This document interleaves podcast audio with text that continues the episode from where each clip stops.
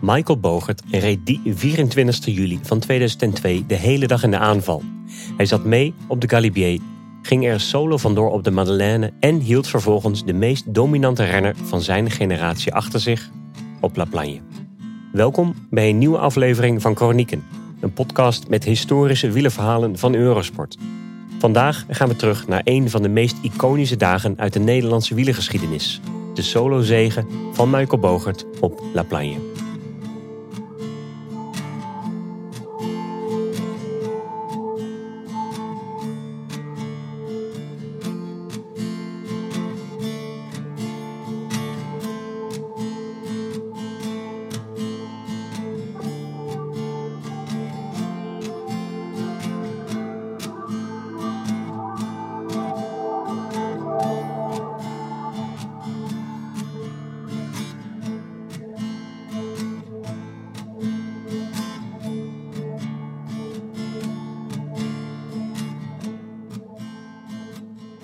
Het was van 18 juli 1989 geleden dat er nog eens een Nederlander een bergrit had gewonnen in de Tour de France. Die dag reed Gertjan Teunissen alleen weg op de Galibier en zette moeder Bogert zo'n duizend kilometer noordelijker de auto langs de weg om met haar 17-jarige zoon Michael naar het radioverslag te luisteren. Het tweetal is op weg naar een eigen wedstrijd in Groesbeek en zoon lief miste daar zelfs bijna de start. Zo gebiologeerd luisterde hij naar het huzarenstukje van zijn landgenoot. In Scheveningen waande de jonge Hagenaar zich jaren eerder al in de Franse Alpen. Dan reed hij met zijn shirtje open de duinen op, terwijl hij een denkbeeldige bidon over zijn hoofd leeggooide. Op dat moment kan hij alleen nog maar dromen van dergelijke heldendaden, in de geest van Henny Kuiper, Joop Zoetemelk en Peter Winnen. Iconische wielenhelden die in het nationale collectief geheugen gegrift staan. Al bij zijn eerste Tour de France biedt Bogert een voorproefje van de mooie toekomst die hem in het verschiet ligt. In een nat Aix-les-Bains valt de debutant een paar keer aan en met de tweede poging slaat hij samen met Melchior Mauri een klein gaatje. Als de Spanjaard op iets meer dan een kilometer van de meet een bocht volledig verkeerd aansnijdt, zit de Rabo-renner plots helemaal alleen op kop. Met zijn handen opvallend los op het stuur maar met een van inspanning verwrongen gezicht zet de jonge Nederlander alles op alles om een sprintende meute achter zich te houden. En dat lukt. De Duitse sprinter Erik Zabel komt achter een breed uitlachende bogen tekort om een volgende overwinning aan zijn palmares toe te voegen. Het volgende jaar bevestigt Bogert zijn potentie. Hij eindigt knap als zestiende en in het jongere klassement wordt hij zelfs derde, wel met een ruime achterstand op de jonge eindwinnaar Jan Ulrich. De Oost-Duitser lijkt de natuurlijke opvolger van voormalig tourpatron Miguel Indurain en er wordt verwacht dat de pas 23-jarige toerwinnaar de komende jaren zal domineren. Het zal echter zijn enige eindzege in de meest prestigieuze rittenkoers blijken te zijn. Een jaar later is Bogert vanuit Nederlands oogpunt, samen met ritwinnaars Leon van Bon en Jeroen Blijlevens, een van de weinige lichtpuntjes in een door dopingperikelen gedomineerde Tour de France. Vier teams, waaronder het Nederlandse TVM, stappen uit deze Tour dopage. Terwijl het Festina van publiekslieveling Richard Virank door de organisatie uit de ronde wordt gezet.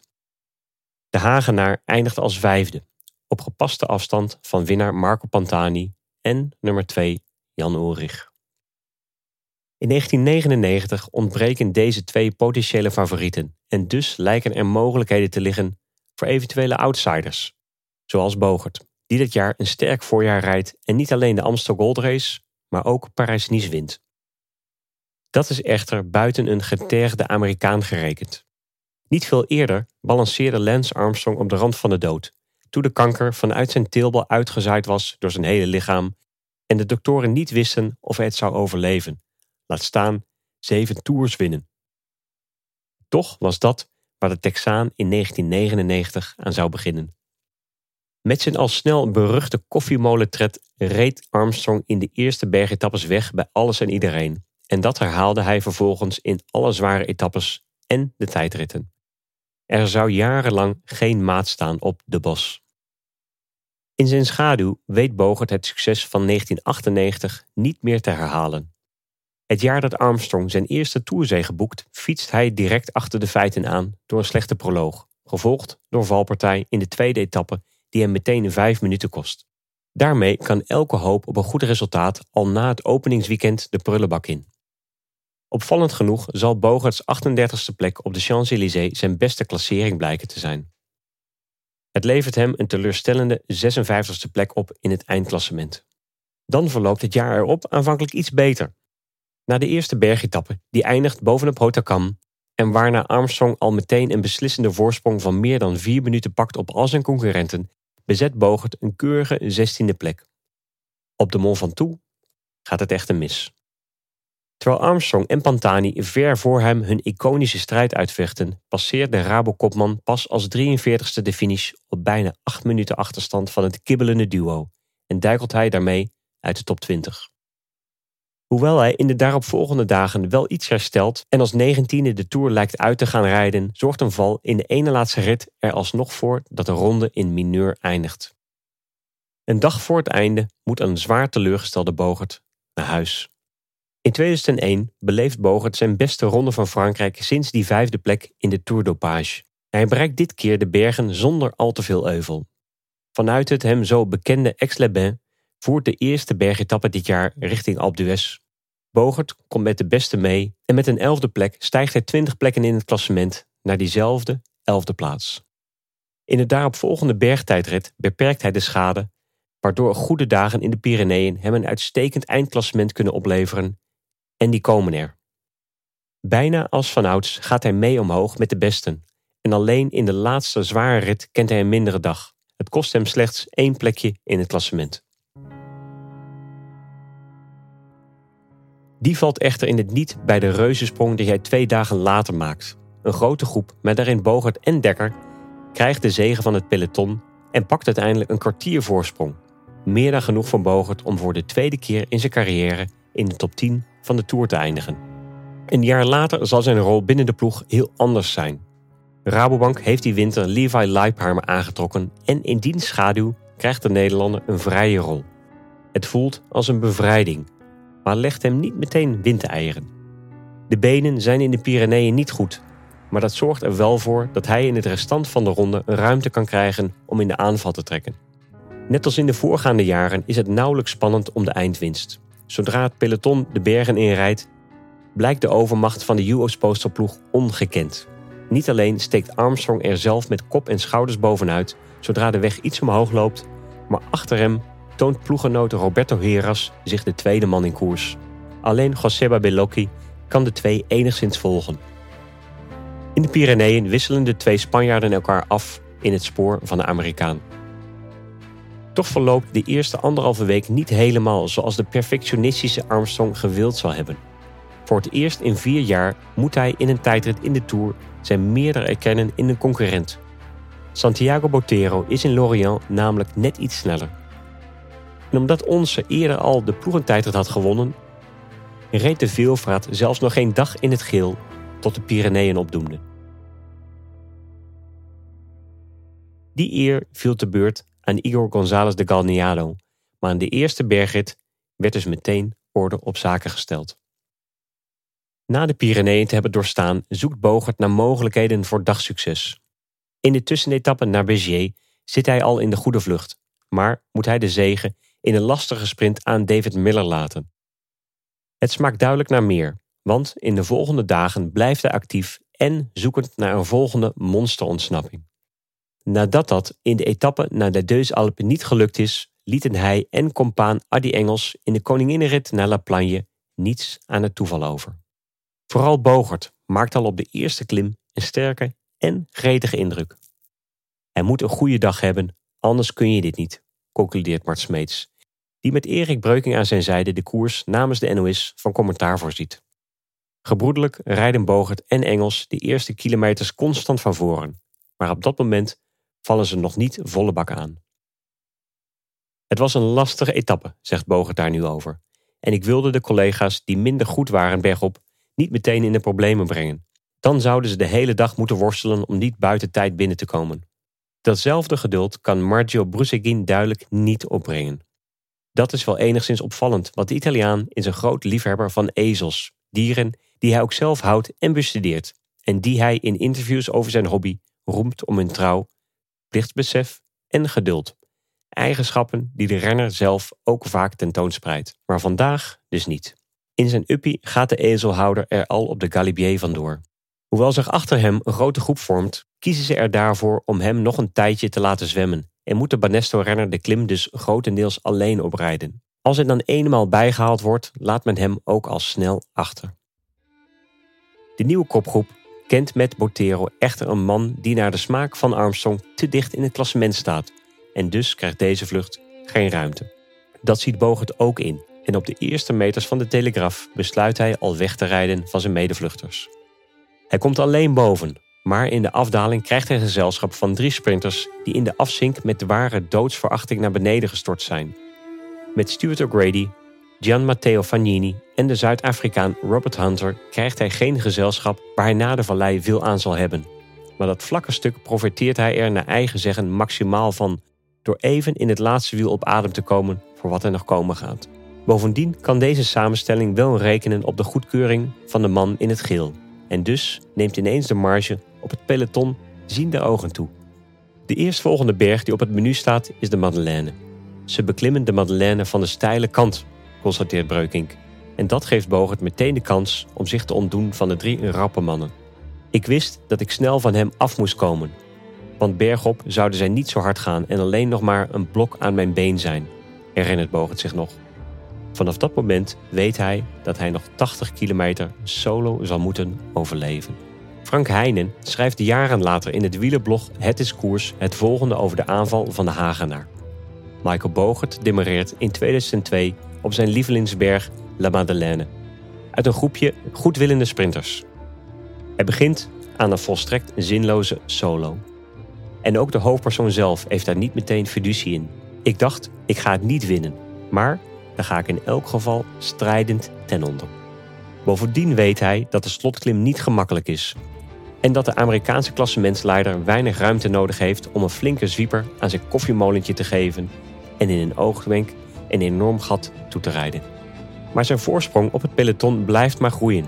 Terwijl de achtervolgende groep met sterke renners als Axel Merckx, Ludovic Turpin, Ibad Mayo en de man in de bolletjestrui, Laurent Jalabert, ook geen steek dichterbij komt. Sterker nog, Zelfs op het zestal loopt Bogert alleen maar verder weg. Met vijf minuten voorsprong op de eerste achtervolgers en zeven minuten op het peloton begint de Nederlander aan de slotklim. Het is een lastige klim, omschrijft Bogert de beklimming naar La Plagne later in het Algemeen Dagblad. Soms met stukken tot wel 10%. Hij is ook lang, 19 kilometer, maar hij loopt wel. Er zitten geen Angliru-stukken tussen. Al vroeg op de klim komt er ook in het peloton leven in de brouwerij. Carlos Sastre rijdt weg uit de groep der favorieten en pakt al snel wat tijd terug. Bogert wordt goed op de hoogte gehouden van de tijdverschillen. Iets te goed naar zijn mening. Ik begon echt een hekel te krijgen aan die gozer op die gele motor, bekent hij. Hij kwam constant voor me rijden en elke keer was er weer wat tijd af. En inderdaad komt de Spanjaard aanvankelijk snel dichterbij. Maar op zo'n twee minuten blijft hij steken. Ik had vooral schrik van Sastre, blikt Bogert nu terug op die momenten. En op vijf kilometer had ik het echt moeilijk. Alles deed pijn en ik was helemaal naar de colère, weet hij nog goed. Maar ook tot zijn eigen verbazing kan Bogert een behoorlijk tempo vasthouden en komt vanaf dan Sastre nauwelijks dichterbij. Achter de CSC-man blijft het groepje der favorieten lange tijd bij elkaar, terwijl de ploeggenoten van Armstrong er op kop voor zorgen dat de deur aan de achterkant wagenwijd open staat. De Amerikaan heeft Heras voor zich en in zijn wiel zijn eeuwige Baskische schaduw Belocchi. Naast de kopman van Onsen rijdt de verrassing van deze Tour de France.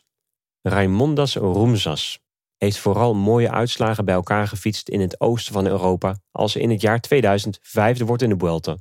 En niet veel later zelfs de Ronde van Lombardije wint. De eerstvolgende grote ronde die de Litouwen rijdt is deze Tour de France. In de schaduw van Armstrong, Heras en Belocchi presteert hij het meest constant van iedereen en het zorgt ervoor dat hij uiteindelijk zelfs op het podium zal belanden in Parijs. Maar lang kan hij er na afloop niet van genieten. Zijn vrouw Edita wordt met een kofferbak vol verboden middelen aangehouden. Ze zouden bestemd zijn voor haar moeder, Roemza's schoonmoeder dus. Maar dat verhaal gelooft niemand. Toch blijkt het moeilijk te bewijzen dat de renner zijn opvallende prestaties te danken heeft aan die volle kofferbak. En Edita komt na maanden gevangenschap net op tijd vrij om aan de zijde van haar echtgenote te staan als hij tot Litouws sportman van het jaar wordt uitgeroepen. Maar het verhaal van de Roemsassen zal nog enkele tragische wendingen kennen. Een jaar later is het namelijk wel raak. Er wordt na afloop van de Giro d'Italia betrapt op EPO en de daaropvolgende schorsing maakt, ondanks nog een paar verwoede pogingen terug te keren op het hoogste niveau, feitelijk een einde aan zijn wielercarrière. Dat het verhaal nog treuriger kan worden, blijkt ruim een decennium later. Op 2 mei 2017 overlijdt zoon Linas Roemsas op 21-jarige leeftijd. Hij rijdt op dat moment in Italiaanse dienst voor Altopak Epela. Heeft in de maanden voor zijn dood enkele verrassende resultaten behaald en was ten tijde van zijn overlijden regerend beloftekampioen van Litouwen. De Italiaanse justitie vermoedt dat de jonge Roemsas het voorbeeld van zijn vader heeft gevolgd en doet huiszoekingen bij de manager van de ploeg en vader Roemsas. De vermoedens worden bevestigd. En men vindt inderdaad verboden middelen bij de leiding van de ploeg. Er wordt een heel dopingnetwerk opgerold en meerdere betrokkenen worden voor lange tijd geschorst. Roemsas senior zit daar niet bij. Al zal er dat jaar wel een ander familielid voor vier jaar verbannen worden uit de sport. Raimundas junior, Roemsas andere zoon, is namelijk een paar maanden na de dood van zijn broer betrapt op het gebruik van een groeihormoon. Die liep af in 2021, maar tot op heden keerde de inmiddels 28-jarige renner niet meer terug in het peloton. Dit alles is echter nog droevige toekomstmuziek als Roemsas senior in 2002 op de flanken van La Plagne uiterlijk onbewogen in het wiel van Armstrong zit. Diezelfde onbewogenheid blijft zichtbaar als Amerikaan besluit dat het mooi is geweest. En hij met een verschroeiende versnelling de achtervolging op Sastre inzet. Meteen weet iedereen rond hem hoe laat het is en niemand doet zelfs maar een poging om de bos te volgen. Bij de Nederlandse kijker slaat de schrik om het hart. Gaat de veelvraat met de finish in zicht alsnog het feestje verstoren? Op de een of andere manier mogen ze elkaar wel, zegt Smeets over de verhouding tussen de twee renners die drie jaar eerder sprinten om de zegen in de Amsterdam Gold Race. Maar de commentator lijkt vooral het publiek en zichzelf moed in te willen spreken. Armstrong gaat ontzettend hard omhoog. En het verschil in tempo tussen hem en de twee man ervoor is enorm. Binnen een vloek en een zucht is hij bij de Spanjaard, maar in plaats van hem ter plaatse te laten staan, neemt hij de Spanjaard op sleeptouw. Vooraan duikt plots een bekend figuur op voor de wielen van Bogert. Gelukkig is het niet de man met de hamer, maar zijn schoonvader, die over de hekken is geklommen om Michael met wat krachttermen naar de finish te schreeuwen. Het gat met de achtervolgers blijft rond de anderhalve minuut schommelen en met nog maar drie kilometer te klimmen begint bij de Hagenaar het besef te komen dat hij hier gaat winnen. Pas in de laatste kilometer is hij echter helemaal zeker. Ineens voelde ik de pijn in mijn benen niet meer, lacht hij bijna twintig jaar later en ook op La Plagne breekt dan zijn lach door. Doodop, maar intens gelukkig, kust hij het medaillon om zijn nek dat meewappert in zijn open shirtje. De handen gaan gebald de lucht in terwijl Michael Bogert zich de Nederlandse wielerhistorie infietst. Terwijl de Hagenaar in de armen valt van zijn schoonmoeder, klapt oud-toerwinnaar Felice Gimondi een paar meter verderop zijn handen stuk voor de Nederlander. Hij is een renner naar mijn hart. Op een fantastische manier bleef hij tempo rijden. Knap om zo te finishen. Superato. Ik was vandaag een supporter van hem, zijn tifo. Is de Italiaan vol lof over de prestaties van de Nederlander. De indrukwekkende solo-overwinning geeft Bogert vleugels. En zowel in de laatste bergetappes als de individuele tijdrit op zaterdag gaat hij met de beste mee.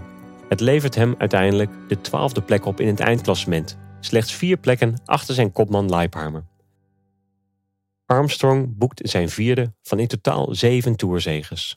Maar zal ze allemaal kwijtraken als bewezen wordt dat hij ook, net als de meeste van zijn tijdgenoten, gebruik had gemaakt van verboden middelen. Net als de Amerikaan zal Bogert jaren later in een televisieinterview dopinggebruik toegeven. Het volgt op jaren van geruchten, die vooral na het drama rond Michael Rasmussen in de Tour de France van 2007 de kop opsteken. Dat jaar lijkt de Rabobankploeg eindelijk de zo verlangde Tourzege te pakken. Totdat een opmerking van de Italiaanse commentator Davide Cassani over een toevallige ontmoeting met de Deen in de Dolomieten het succes als een kaartenhuis doet ineenstorten.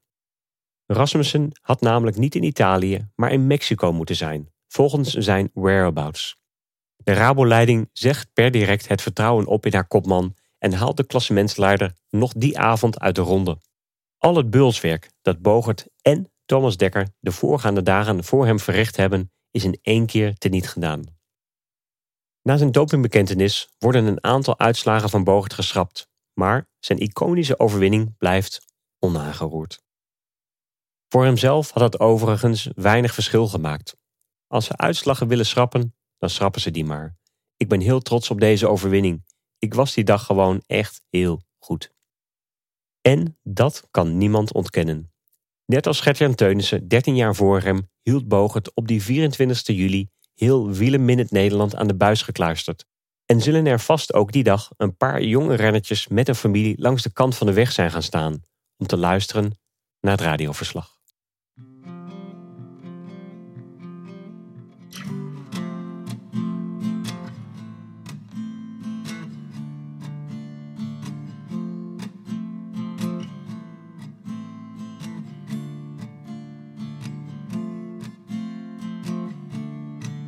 Chronieken is een podcast van Eurosport, geschreven door Felix Low en verteld door mij, Karsten Kroon. Bewerking en eindredactie zijn van Sander Grasman en productie door Fabian Collau. Meer stukjes wielenhistorie door Felix zijn te vinden op Twitter via @saddleblaze. Als je mij wilt volgen, kan dat via @karstenkroon op Twitter. Eurosport volg je via eurosport_nl. Bovendien vind je ons op Instagram en Facebook. Alle afleveringen van Chronieken zijn ook te lezen als artikel op eurosport.nl. Dit was de veertiende aflevering van het derde seizoen. Dus als je hebt genoten van deze etappe uit de wielengeschiedenis, meld je dan aan, vertel het door en beoordeel ons bij jouw podcastaanbieder. We gaan er weer een paar weekjes tussenuit, maar zijn in aanloop naar het WK weer terug met nieuwe afleveringen.